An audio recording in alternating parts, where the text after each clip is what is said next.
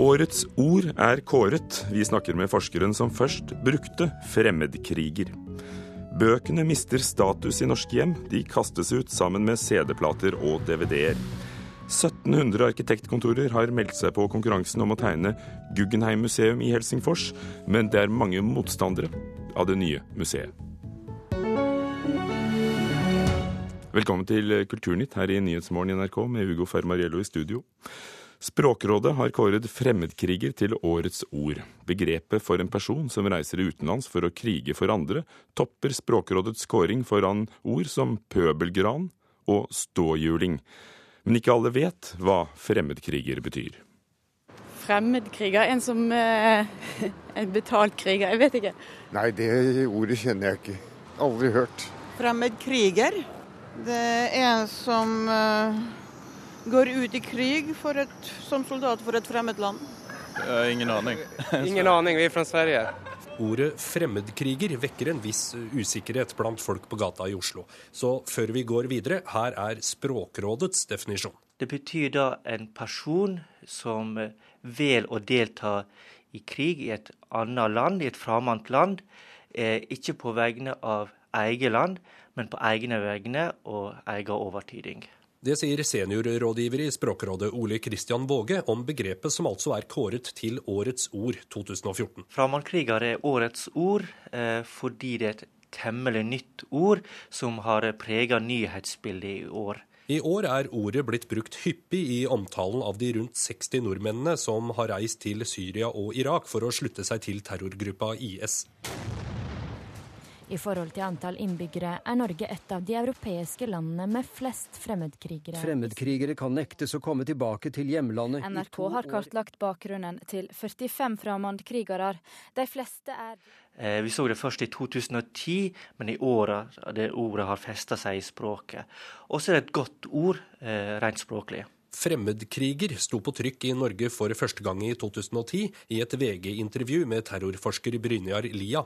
Han hadde snappet opp ordet fra forskerkollega Thomas Hegghammer. Det kan godt hende, men jeg, jeg, jeg husker ikke sjøl. Jeg kan på en måte ikke huske første gangen jeg tok det i min munn. Det sier mannen som kanskje er opphavsmannen til begrepet, nemlig Thomas Hegghammer ved Forsvarets forskningsinstitutt. Det her har vi ikke hatt et godt ord for tidligere, antakelig fordi det ikke har vært så veldig utbredt. Men med globalisering og mer transnasjonal eh, politisk eh, aktivitet, så, har, så har dette fenomenet blitt større. Og da har ordet presser seg frem. Syns du ordet har vært eh, så aktuelt i år at forsvarer plassen som årets ord? Ja, altså hvis jeg skal dømme av min egen kalender og, og innboks, så, så, er det jo det. Det er veldig mye fokus på det her eh, temaet pga. det som skjer i Syria. Vi har jo en historisk høyt antall eh, fremmedkrigere i Syria i dag. Eh, og det er trist. I fjor var det sakte-TV som ble kåret til årets ord, et begrep som fortsatt lever etter helgens salmemaraton på NRK. På årets liste havnet fremmedkriger foran ord som pøbelgran, mobilnakke og ståhjuling. Ja, kan man nesten kalle det for et slags eh, ordkavalkade over 2014. Det er jo ord som har vært i, i nyhetsbildet, eller som har blitt aktuelle eh, i løpet av året. Og Det forteller oss egentlig det at eh, norsk er et veldig rikt språk, at vi er i stand til å lage nye ord hele tida. Og også ord som kan avløse engelske lånord. Sa Ole Kristian Våge i Språkrådet, som har samarbeidet med Norges handelshøyskole for å finne frem til årets nyord. Reporter var Halvor Haugen. Kulturminister Toril Vidvei vil fremme et forslag om en ny insentivordning for utenlandske TV- og filmproduksjoner, skriver Klassekampen. Vidvei vil legge frem forslaget i forbindelse med stortingsmeldingen om norsk film, som kommer til våren. Ordningen kan dermed innføres i 2016, ifølge avisen. Den vil føre til at utenlandske produksjoner kan få inntil 20% av utgiftene refundert av staten hvis de velger å spille inn i Norge. Sosiale medier er den mest populære nyhetskanalen for ungdom. Det bekrefter en undersøkelse blant medieelever i videregående skoler i Stavanger. Åtte av ti sier de fikk nyhetene fra sosiale medier dagen før. vi, vi, pusher nyheter som, som brokkoli. Akkurat som mor mi absolutt skulle få meg til å spise brokkoli. ikke sant? Og så spiser jeg det ikke fordi jeg liker det, men fordi jeg må det, eller fordi mora mi sier det. eller Det er omtrent som å selge tran. Det sier universitetslektor i Stavanger Espen Reis-Mathisen.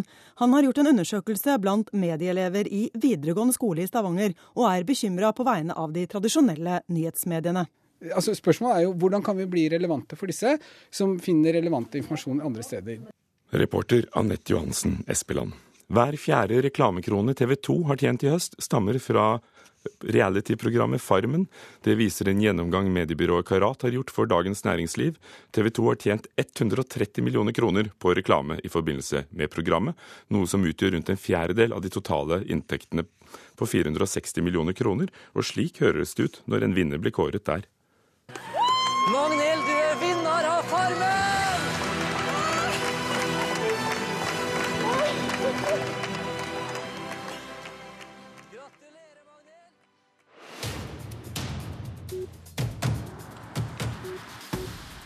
Det skal handle om bøker, ikke om litteraturen, men bøkene. Bøkene mister status og forsvinner ut av norske stuer. I moderne hjem, med stadig større vinduer og blanke flater, havner bøkene, bøkene i kjelleren eller til gjenvinning. Det har jeg ikke gjort ennå, men jeg har faktisk planer om å gjøre det. Det er fordi jeg tar så masse bøker som jeg ikke som har i kasser osv. Jeg har ikke så mye oppbevaringsplass til alle disse bøkene. Kjempemange bøker, altfor mange. Hvordan skal du kaste dem, da? Det har jeg ikke funnet ut ennå. Folk har ikke plass til bøkene sine lenger. Og hvis vi tar turen fra gata og inn på Bentsehjørnet minigjenbruksstasjon i Oslo, får vi se hvor folks overflødige bøker havner. Foran store, velfylte hyller med bøker møter vi kundebehandler Lena Fagersand. Vi har opplevd en økning i løpet av de siste to åra, spesielt. Og jeg vet at det er folk som sier selv at spesielt når de bor i små leiligheter her i Oslo, så er det veldig greit å ikke ha så mye bokhylla lenger. Og det er ikke bare oslofolk som kvitter seg med bøker. Fretex og Det Norske Misjonsselskap forteller at også dem merker en økning i antallet bøker som kommer inn over hele Norge.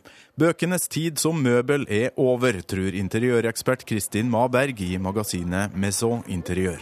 Bøker for 20 år siden var noe du identifiserte deg med. Kanskje gikk du på Blindern, studerte noen fag, historie, filosofi ja, engelsk, fransk, og altså likte du å ha da de dikterne der for å vise litt hvem du var og hvilken bakgrunn du hadde. Og det identitetsbehovet, det er på en måte ikke så påtrengende å vise interiøret lenger. Den viktigste årsaken til at vi ser disse endringene, at bøker blir mindre verdt og at det er mer bruk og kast, det tror jeg rett og slett er de sosiale endringene som Norge har gjennomgått de siste 20-30 åra. Fremtidsforsker og forfatter Eirik Newt trekker enda lengre linjer for å forklare hvorfor det nå er blitt greit å kaste det som vi tidligere beholdt og hadde på utstilling som en skatt i stua. Å ha en bok i hylla eller å ha en bokhylle med bøker var et statussymbol. Og det fortalte noe om at du f.eks. tilhørte den utdannede middelklassen. Men når flertallet av nordmenn er en godt utdannet middelklasse, så blir ikke det så viktig lenger. Og når alle sammen har Jo Nesbøs samlede i pukket, gjør det ikke lenger vondt å kaste store boksamlinger, mener Newt, som sjøl tok affære og ga bort 18 kasser med bøker for et par år siden. Men enkelte bøker får stå. F.eks. jeg vil aldri noensinne i mitt liv kaste en Tove Jansson-bok. Mens jeg selvfølgelig mer enn gjerne kaster en Vigdis Hjorth-bok, f.eks. no offence, Vigdis, men uh, Tove Jansson er høyt på lista. Og du og veldig mange norske samtidsforfattere står veldig lavt på den lista for meg. Det her er jo gamle, gode Johan Falkberger-bøker med skikkelig perm og skikkelig kvalitet. Men det kommer folk å, å slenge fra seg. Du, Her kan det være bøker som folk har vært og leita etter på biblioteker, i bokhandler osv. Og, så og ikke klart å finne. Og faktisk så har de klart å finne det her. Gjenbruksstasjonen er altså blitt stedet både for dem som ønsker seg Vigdis hjort og litt mer sjeldne skatter. Men hvem vet, kanskje kan det være greit å la bøkene bli liggende i kjelleren. For den oppvoksende generasjon kan det jo bli retromote med store bokreoler. Kanskje hun har lyst på dine bøker når hun blir gammel nok? Hvis de overlever så lenge, så får hun jo det. Håper får kanskje større bokhylle etter hvert òg. Bokreolene tror jeg kommer tilbake kanskje med et lite klenodium, men kommer aldri til å oppnå den status og stil det hadde i interiøret. Sa interiørekspert Kristin Maberg til reporter Torkil Thorsvik. Ståle Økland, trendanalytiker og forfatter. Er rene og ryddige stuer uten en eneste bok eller bokhylle noe som vil holde seg, tror du? Altså, Trender går alltid i bølger, og, og, det skal en være klar over før en liksom eh, setter noe sånn bastant om over boka siden framtid. Ikke mer enn tre år siden det faktisk eh, var inn med å ha bøker eh, i stua. Eh, men når, eh, når jeg nå ser at, at boka mister litt av sin posisjon, så, så tror jeg at, at, det henger litt sammen med at vi vi òg er i ferd med å, å, lagre ting mer digitalt. Altså, Vi ser jo òg at en del av eh, CD-ene er på vei ut. De kastes, og platesamlingene forsvinner, noen av de òg. Og, og, og, internasjonalt så ser en jo at nå folk leser bøker mye, mye mer på på, eh, på, lesebrett og sånne ting. Og, eh, og en skal være klar over det at de trendene som påvirker oss, de kommer ofte fra utlandet. Eh, folk sitter og leser sine interiørblader, og de ser at eh, jamen, her forsvinner jo bøkene fra, fra, fra flatene. Og da tenker en at ja, kanskje, kanskje jeg òg bør, bør, gjøre sånn. Selv om at vi i Norge jo faktisk leser veldig mye bøker ennå. Når ble det slik? Når kom den første bølgen? Nei, altså Det henger tradisjonelt sett litt sammen når minimalismen kommer. fordi at eh, Når en da eh, sier at nå ønsker en å ha rene flater, da forsvinner ofte boka. Når en sier at en ønsker å ha det litt lunere, da kommer boka tilbake igjen. Det som er litt nytt nå, kanskje, det er jo det at eh, en lurer jo litt på om, om boka eh, kanskje er i ferd med å bli litt umoderne, rett og slett. Altså, eh, Det å ha en fysisk bok blir sett på som, som, som litt sånn ut, eh, mens, mens det jo ikke har vært tilfellet tidligere. Da har, da har, det ofte vært at det har beveget seg i tråd med interiørtrendene. Men kan det være at det simpelthen er blitt så veldig mye av det, nettopp fordi generasjonene før oss har samlet og samlet, og, og de som arver det, sitter igjen med 30 kasser? Ja, og det tror jeg er et poeng. Jeg tror òg dette her med å flashe image gjennom bøker ikke står så sterkt gjerne som det gjerne gjorde tidligere. Jeg er vel enig i det som ble sagt i reportasjen. Samtidig så tenker jeg òg at, at, at, det å ha bøker, det, det det kan fort komme litt tilbake igjen. Det kan fort bli sånne hipstergreier om noen år. da. Altså. Sammen med vinylplatene, kanskje? Sammen med vinylplatene og i det hele tatt. Men eh, jeg skal ikke følge noen sånn veldig sånn bestemt dom over, over bokas framtid. Det er farlig å gjøre. Jeg er veldig glad i bøker. For men... det er jo det med kvalitet. Altså Vinyl har en uovertruffen musikkvalitet. Ja. Bøker, hvis de er godt laget, for det er bøker og bøker, hvis de er innbundet og ja. pent trykket, så står de der. Den filen du lastet ned, kan bli borte. Ja, og jeg tror ikke at boka er død, det tror jeg ikke. Men vi bor på mindre flater, og det gjør at vi har ikke så god plass. Eh, så jeg tror folk blir mer selektive. Men de var jo mer trangbodde på 20-tallet. Da bodde jo ti stykker på to rom og kjøkken. Ja, men da hadde de ikke så mange bøker utstilt heller. Så, så jeg tror at folk kommer til å lage seg litt sånne små lesekroker. Altså du kommer til å ha gjerne én vegg der du sitter med, med, der du har en god stol, der du har en kopp med te, og der du sitter og leser. Sånne ting kommer vi mer til å se, tror jeg, i tida framover. Hvis det er sant som Eirik Knut sa i reportasjen, at, at tidligere var det en måte å vise status og utdannelse på, eh, og det ikke er nødvendig lenger, hvordan viser folk status i dag? Ja, Noen gjør det f.eks. på sosiale medier. Det har jo blitt en skrytekanal. En skal aldri undervurdere eh, de bordiøske tankene om at folk vil skille seg ut. Men jeg er ikke så sikker på om boka i den forstand er like sterk som den en gang var. I hvert fall ikke når det gjelder mengde. Men jeg tror det har de rette bøkene stående framme. Det er nok noe folk kommer til å bli mer bevisst på. At, eh, at det, en skal ha noen bøker stående framme, men slettes ikke alle. Takk, Ståle Økland, trendanalytiker og, og forfatter om temaet. Klokken er blitt eh, snart 17 minutter over åtte dører på Nyhetsmorgen i NRK med overskriftene Eldre kvinner med døtre får tildelt mindre kommunal hjelp enn de som har sønner, viser ny undersøkelse. Økt skatt på kostbare boliger og hybelutleie. Mindre fradrag for gjeldsrenter. Dette er stikkord fra regjeringsoppnevnt skatteutvalg, som legger frem funnene i dag. Regjeringen vil ha mer fornybar energi, men stadig færre vil investere i det. Og kunstner i skolen får elevene til å bli, skal vi høre senere i Kulturnytt. Et nytt Guggenheim-museum er under planlegging i Finlands hovedstad Helsingfors. Hele 1700 arkitekter har meldt seg på i arkitektkonkurransen som pågår, og i dag offentliggjøres de seks finaleutkastene som går videre. I alt deltar 14 norske arkitektkontorer, et av dem er det kjente Snøhetta. Og kulturkommentator Agnes Moxnes, du er på plass i Helsingfors. Hvorfor vil Guggenheim-stiftelsen nettopp til Finland? Ja, De vil til Helsingfors fordi byen er i vekst. De har fått en uh, veldig flott uh, tomt her. Og så vet man jo at Finland og, Helsingfors betyr en åpning østover. altså Både mot de baltiske landene og mot uh, Russland.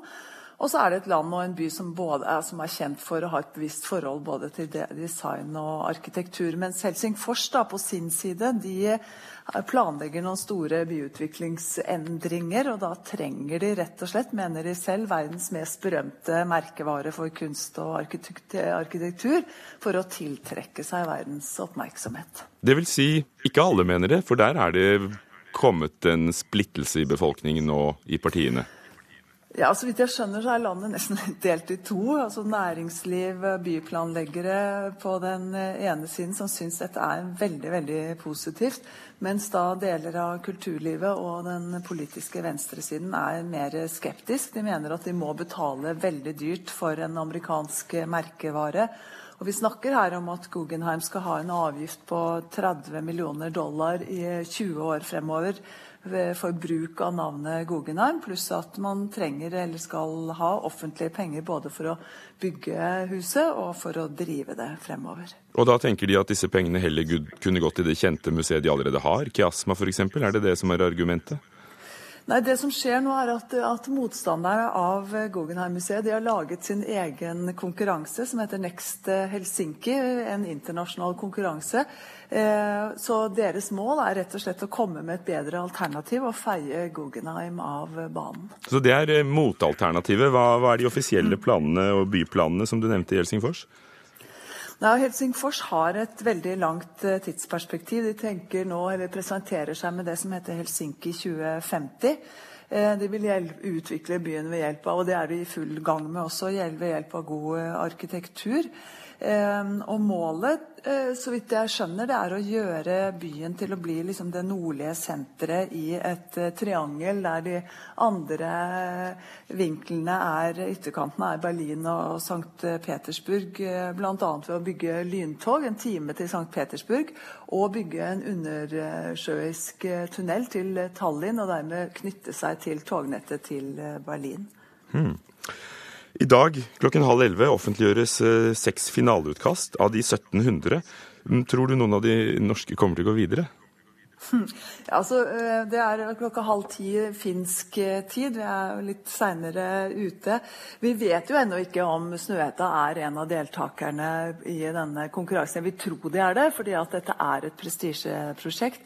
Men det, det, får vi vite. Vi får vite navnet på alle de 1715 arkitektkontorene som har vært med på denne konkurransen. Eh, det er 77 land bidragsyterne kommer fra. så Sånn sett så er dette her nå verdens største arkitektkonkurranse noensinne. Og det sier jo noe om hva slags prestisjeprosjekt eh, arkitekter ser for seg at, eh, at, dette er. Så det som skjer nå klokka halv ti eller halv elleve norsk tid, det er at seks modeller blir presentert som finalistene så får vi vite navnet på de seks arkitektkontorene, men vi får ikke vite hvilke arkitektkontor som har tegnet hvilke modeller. Så der er det liksom den store eh, og spennende debatten eller eh, diskusjonen kommer til å gå fremover nå. Da. Hvem er det? Hva vil det bety å vinne en, en, et sånt oppdrag? For det er mange som har villet være med. Altså, da, operan, da det var konkurranse om operaen i Oslo, var det 250 forslag, og her er det 1700. Så, så hva kan de oppnå? Ja, det er jo mye. Vi vet jo at eh, Guggenheim har satt eh, iallfall to arkitekter grundig på, på, kartet, både i New York, Guggenheim i New York og, og Bilbao. Så sånn sett så er det et prestisjeoppdrag av en annen verden. Ehm, så det vil sette et nytt arkitektnavn eh, kanskje da på kartet. Og så betyr det sånn helt konkret at den som eh, vinner denne konkurransen, og det vil vi vite først i juni, vi iallfall i første omgang da vinner 100 000 euro. Men det er jo fortsatt høyst usikkert om dette museet faktisk blir bygget. For da begynner kampen. Takk skal du ha, kulturkommentator Agnes Moxnes på plass i Helsingfors.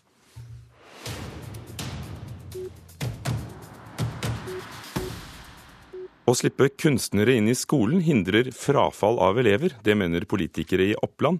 Som det eneste fylket i landet satser de på det de kaller et kreativt partnerskap i videregående skoler. Dette skoleåret bruker de 850 000 kroner etter et vellykket forsøk i fjor. Der har du ikke kontroll på håret. De sliter litt med saksa i dag. frisørelevene på Gjøvik videregående skole. Det er ganske vanskelig å holde 90-graderen over hele hodet. Men de slet mer i fjor, da matte sto på timeplanen. Aldri vært glad i matte.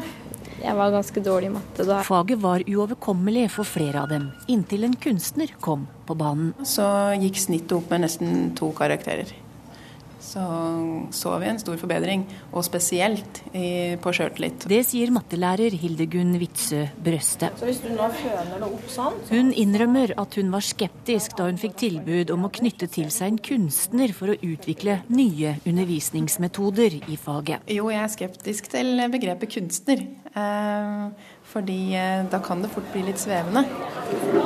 Men fylkespolitikerne i Oppland har trua. Dette skoleåret er det tverrpolitisk enighet om å bruke 850 000 kroner på prosjektet Kreativt partnerskap i den videregående skolen. De har knytta til seg seks kunstnere som skal hjelpe lærerne å utvikle mer kreative undervisningsmetoder. Så det, dette er ikke et sånn prosjekt der eh, elevene skal ha det litt artig et par dager, for så å bli motivert til å gjøre det vanlige. Det handler om at eh, matte arbeidet skal eh, formidles på en eh, måte som gjør at elevene forstår det bedre, og dermed gjør det bedre i faget. Sier scenekunstner Marie Otilie Hundevatt. Det var hun som sammen med mattelærer Hildegunn og en kreativ aktør fra næringslivet inspirerte frisørelevene på Gjøvik to karakterer opp. Og så fikk vi også lære nye ting på andre måter. Ja. Det var liksom ikke bare å sitte på baken og se på at uh, du løser et uh, regnestykke. Det var uh, litt mer praktisk, og det tror jeg veldig mange liker. Jeg tror det var en, et spark i baken for veldig mange. Sier Conny Margrethe Sebak og Malin Buene Skattebo. These are the sorts of learning experiences which we really value, and this is supporting us to learn and we want more of it. Diane Fisher-Naylor jobber for fylkeskommunens samarbeidspartner i dette prosjektet. Det engelske selskapet Creativity, Culture and Education. De har slike prosjekter i flere land, men satsinga i Oppland er unik, mener Fisher-Naylor. Really leading the way in arts and creative learning, and I think it's really open, really ambitious about the role that arts and culture can play in everyday schools. Å sette elevene inn i en sånn sammenheng der de forstår forstår hva de skal bruke kunnskapen sin til. Det tror jeg øker motivasjonen, og derigjennom også gjennomføringa i skolen. Svarer fylkesordfører Gro Lundby. Ligger denne 90 grader da? Nei. Nei. da må du trekke en. Professor i pedagogikk ved Høgskolen i Hedmark, Thomas Nordahl, sier han er glad for alle gode kreative tiltak i skolen. Men han tror systematisk oppfølging blir viktig dersom dette skal lykkes framover. Eh, vi skal i hvert fall gjøre det vi kan for å få det til å fortsette. Over nyttår starter mattelærer Hilde Gunn på en ny runde med kunstnere inn i matteundervisningen. Eh, ja, jeg, jeg, gleder meg eh, faktisk veldig. Jeg syns det er veldig positivt og litt luksus å få ressurser til å få gode kompetansepersoner inn i klassa. Og at det blir satsa på yrkesfaglig realfagsundervisning, syns jeg er helt topp sa mattelærer Hildegunn Witzøe Brøste, reporter Torunn Myhre. Ni norske teaterstudenter har fått sjelden praksisplass på verdensturné med det franske teaterkompaniet Philippe Gentil. De siste månedene har de turnert i Asia. Vi traff dem rett før premieren i Beijing. Jeg synte meg ein fager veg opp fra vår vesle stova denne sangen er ikke med i forestillinga, det er bare oppvarming. Det er ikke mange ferske norske skuespillere som har stått på flere internasjonale scener enn Lene Jacobsen Kvitvik. I Beijings nasjonalteater varmer hun stemmen. De er på slutten av en lang turné, og de siste ukene har de opptrådt i Korea og Japan.